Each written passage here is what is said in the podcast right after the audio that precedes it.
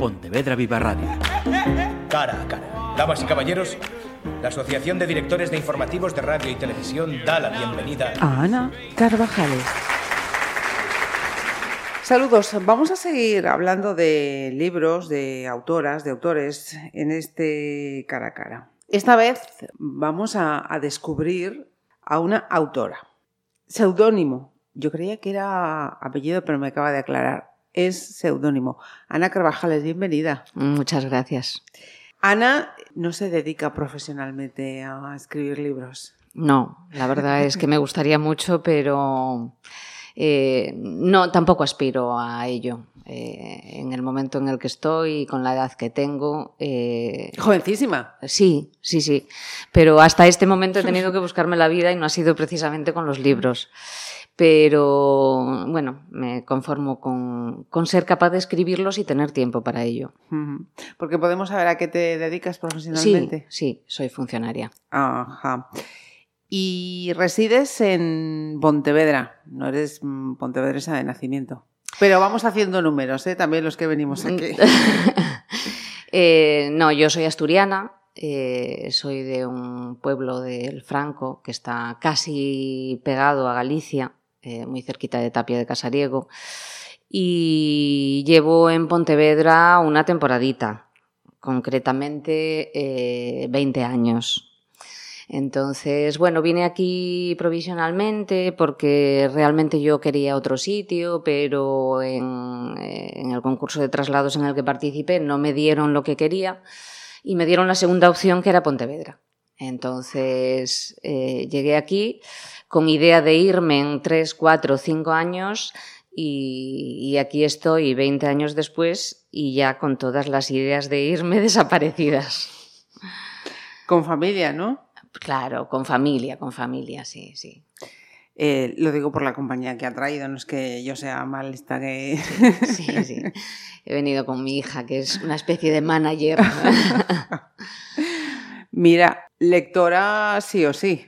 Sí, sí, desde muy pequeñita, sí. Siempre me ha apasionado leer. Uh -huh. Lo que nunca estuvo en mi mente fue escribir, a pesar, o sea, escribir escribir libros, porque escribir sí que escribo desde, pues también desde muy pequeña, porque empecé con aquellos diarios que había cuando tenía cinco o seis años y bueno, de los diarios pasaron a, a, a las libretas, a los cuadernos, a las anotaciones, eh, posteriormente a archivos en los ordenadores y no he dejado de escribir. Lo que no había hecho era publicar. Ajá. ¿Y qué lee? Ana Carvajales? Bueno, eh, no leo de todo. No soy de esas personas que libro que cae en sus manos, libro que lee. No. Mm, bueno, a mí me gustan básicamente las lecturas frescas. Uh -huh. eh, eh, esos libros que caen en tus manos y que de repente no puedes dejar de leer. Eh, no, no soy de no leo libros de filosofía porque, bueno, me, me cuesta trabajo, necesito que me enganche y, y, y, que, no, que no sea un esfuerzo sublime el leer uh -huh. esos libros porque me cuesta mucho entenderlos. Me imagino que eso también condiciona mi manera de escribir porque no, bueno, dice la gente que es fácil leer mis libros, ¿no? Uh -huh. Pues eso debe ser porque a mí también me gusta leer libros que sean fáciles de leer. Ajá. Me gusta la novela negra, me gusta la novela contemporánea, he leído algunos libros de historia, pero bueno, en líneas generales que sean frescos, lo que yo le llamo frescos. ¿no? Uh -huh. Estamos charlando con Ana porque hace unas semanas nos, nos acercó su último título, Nuevas partituras. Uh -huh. Antes, ya en el 20, fue cuando, digamos, debutaste, ¿no? Sí. Con Lejos del Diván. ¿Cómo fue aquel primer proyecto, aquella primera publicación? Pues yo diría que no fue ni proyecto, porque, eh, bueno, eh, a mí me gustaba mucho escribir, pero yo no pasaba de escribir, eh, bueno, pues escribía un par de artículos, pero sobre todo lo que escribía era cosas que se me pasaban por la cabeza, pensamientos uh -huh. y demás. Y pues un día estando en una sala de espera de un centro médico, eh, compartíamos a la de espera los pacientes de tres o cuatro especialidades y me quedé mirando a aquellos pacientes que estaban delante de cada puerta y, por, circunstancias que desconozco me fijé en los que estaban delante de, de psicología, ¿no? Y bueno, eran por supuesto personas totalmente normales, que no, no tenían ningún rasgo que, que, denotase que eran de psicología, ¿no? Pero mm, empecé a pensar qué podía llevarles hasta allí, ¿no? Uh -huh. y, y, una vez que elaboré un perfil de cada uno de ellos basándome en sus zapatillas, en su aspecto, en, sus, en su manera de moverse y tal, pensé en la persona que estaba detrás de la puerta y que cada día eh, escuchaba los problemas de todas aquellas personas, ¿no? Y entonces me dije, jo, esto me da para escribir a mí unas cuantas páginas. Uh -huh. Y ese mismo día llegué a casa y empecé a escribir. Pero empecé a escribir lo que eran anotaciones, mm, anotaciones, eh, perfiles, eh, ideas, pero me enganchó Uh -huh. Me enganchó y cuando me di cuenta llevaba más de 250 páginas. Caray. Eh, cuando lo acabé dije, wow, ah, me, me, qué bien me ha quedado. y me dio por enseñárselo a, pues a los más cercanos, a mi hija, a mi hermano, a mi pareja. Y, ¡oh, qué bien! Lo vas a publicar, ¿no? Y digo, estáis locos, ¿cómo lo voy a publicar? No, no. Uh -huh. hombre, pues públicalo porque, oye, no todos los días escriben todo este montón de páginas, está muy bien y tal. Y bueno, tanto insistieron que finalmente eh, publiqué eh, 300 ejemplares. Uh -huh. Autoeditados. Autoeditados, sí. Eh, ¿También con círculo rojo? no, hiciste? no, no. En, en, el primer caso era letrame uh -huh. y, y, en este caso círculo rojo. En este caso han sido nuevas partituras. Una novela mm, que la definimos como fresca. Para mí sí. Para mí sí, o sea, un, un, a ver, una novela fresca es aquella que no te cuesta trabajo leer, que te engancha y que te interesa lo que te dice. Porque, uh -huh. bueno, claro, una novela fresca puede ser también aquella que, que, que, habla de las plantas. Si a ti no te gustan, pues mmm, deja de ser fresca, ¿no? Es aburrida. Pero bueno, en este caso, pues. Eh, Nuevas partituras es una novela uh -huh que, bueno, yo diría que es una novela contemporánea, no deja de ser tener un cierto grado de intimista, pues porque mm, yo creo que yo da igual de lo que escriba, al final acabo escribiendo de cosas que se sienten, de experiencias por las que se pasan, de historias que has oído. Entonces, eh, bueno, podría estar dentro de la novela negra, pero con un grado importante de intimismo. Hmm y con emplazamientos tan conocidos y reconocibles como puede ser Portugal y esta misma capital. Sí. Totalmente intencionada decir, venga, voy a poner a Pontevedra de prota o coprota. Bueno, eh, mm, la verdad es que yo considero, y, y que me perdonen mmm, las, las, personas que escriben ciencia ficción y, y y que inventan continuamente, a mí me resulta más fácil escribir sobre algo que conozco. Uh -huh. Entonces, eh, me gusta describir sitios y, señalar lo que yo siento cuando estoy en esos sitios. Claro, evidentemente, si yo tengo que describir un sitio en el que nunca estuve, me va a costar muchísimo más trabajo. Aún así, tengo que decir que mm, Pontevedra sí que son reales todos los sitios que aparecen en ella. Y tanto. Pero en el caso de Portugal hay algunos mm. emplazamientos que son inventados. Ajá. Es que te voy a decir, casi hay pasajes en los que podríamos decir que es una guía turística, ¿no? Uno se coge el libro, se pone a leer, se pone delante de emplazamiento y dice, bueno, a ver, venga, tal cual.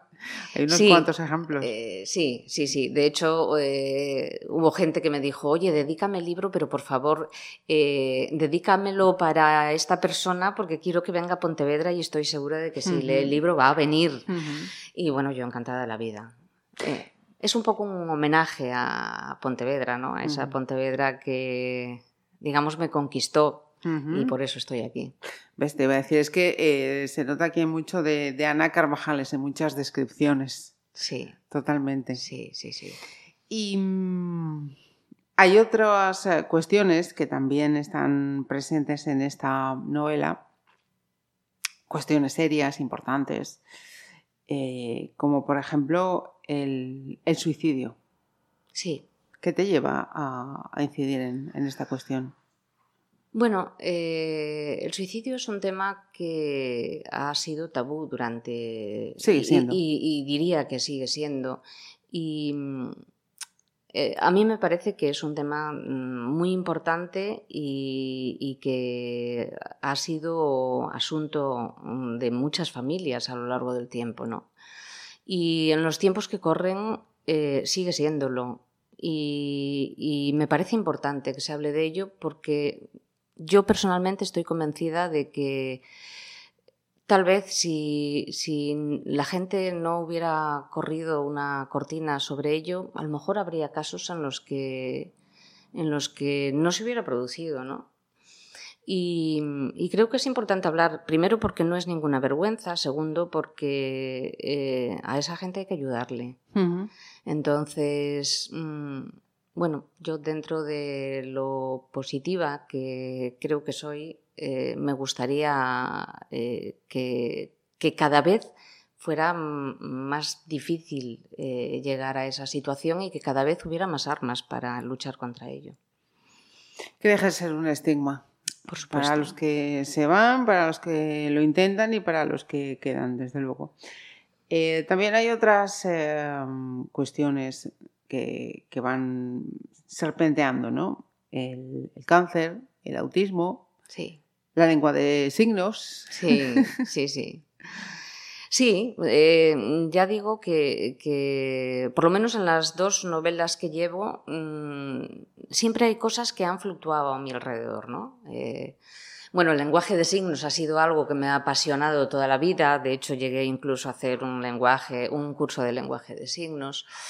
Y, me resulta apasionante ver a la gente que habla eh, con signos, eh, lo, rápido que habla, lo bien que se entienden y, lo poco que parece que les afecte. O sea, mm, no son personas eh, acomplejadas a mi modo de ver. Y, creo que, es importante que la gente sepa que, que, bueno, si por lo que sea que no siempre tiene que ser por una enfermedad de nacimiento, uno no puede eh, comunicarse a través de vía oral, pues puede hacerlo de otras muchas maneras. y, estaréis preguntando, ¿y qué pinta el autismo, eh, la lengua de signos, un suicidio, Pontevedra? Um, os voy a leer así unas breves líneas de la sinopsis de la contra. Estela y su perrita Mel encuentran a un hombre moribundo, encajado entre las rocas, cuando paseaban por la playa de San Joao. Tras cuatro meses en coma, despierta mudo después de haberle estirpado las cuerdas vocales y con amnesia total, producto de los múltiples traumatismos sufridos. Nadie le ha reclamado y la Guardia Republicana Portuguesa no ha podido averiguar su identidad, de manera que su único contacto en la ciudad es Estela, una enigmática mujer que, impactada por la soledad de aquel pobre hombre, no ha dejado de visitarle hasta el día de su alta hospitalaria. Todavía me quedan unas poquitas líneas, pero lo vamos a dejar ahí. Y se me escapaba una cuestión. Ese otro personaje de cuatro patas que también se cuela y ya lo declaras tu, tu afición por los, por los animales. Sí, sí, sí, sí. sí. Bueno, eh, toda mi vida he estado rodeada de animales, hombre, no, no de todos los animales, pero bueno, sí que en mi vida ha habido perros, gatos, caballos, incluso algún que otro pájaro.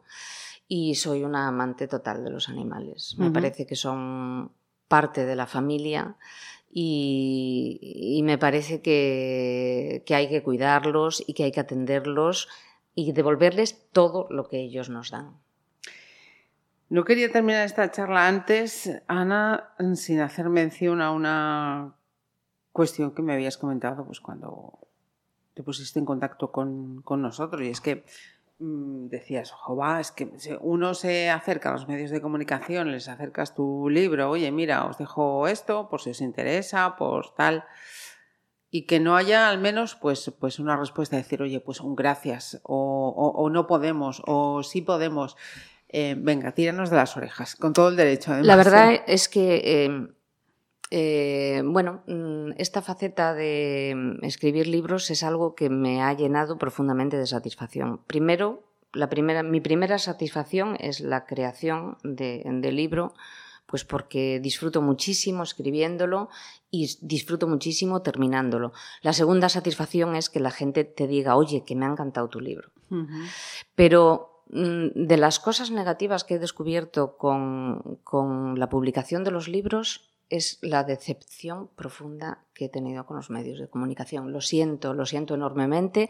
No, no, cada eh, uno siente. evidentemente, eh, estoy aquí eh, hablando contigo, con lo mm. cual no, no, voy a meter a Pontevedra Viva en el mismo saco, igual que no puedo meter al diario de Pontevedra, que desde el minuto uno me llamó, pero he mandado más de 20 libros a medios de comunicación que no me han dicho ni hemos recibido este libro, pero es que he llamado yo para ver si habían recibido el libro, porque llegó un momento en que incluso pensé, pues es que a lo, mejor, a lo mejor los libros no llegan. Y, en alguna ocasión incluso me han contestado, pues diría que, con una mala contestación, decirme, pero, pero no, le, no, no, le hemos llamado para decirle que sí que había llegado el libro. Y digo, pues la verdad es que no. Y dice, ah, sí, pues ha llegado. Digo, bueno, pues yo no, evidentemente, no, no tengo un apellido ilustre ni, ni, he ganado premio, ningún premio Nobel, pero mm, por lo menos el recibí. Y no solo me refiero a los medios de comunicación. Eh, he mandado libros a, a, algún ayuntamiento, a alguna concejalía, también salvo a la Concejalía de Turismo de Pontevedra, que también ha reaccionado de manera maravillosa.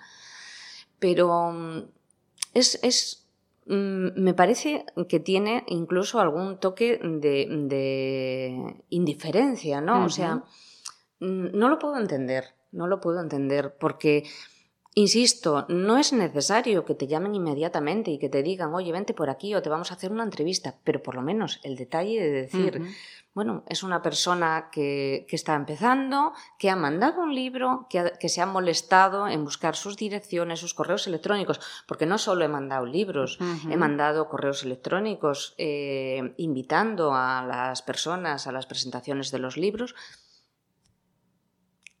Eh, nada. Nada de nada. Entonces, mm, bueno, eh, Quería que lo dijeras, que quedara constancia. Oye, la, eso también es la experiencia que forma parte de todo este, este recorrido y está bien, está bien también que se, que se sepa.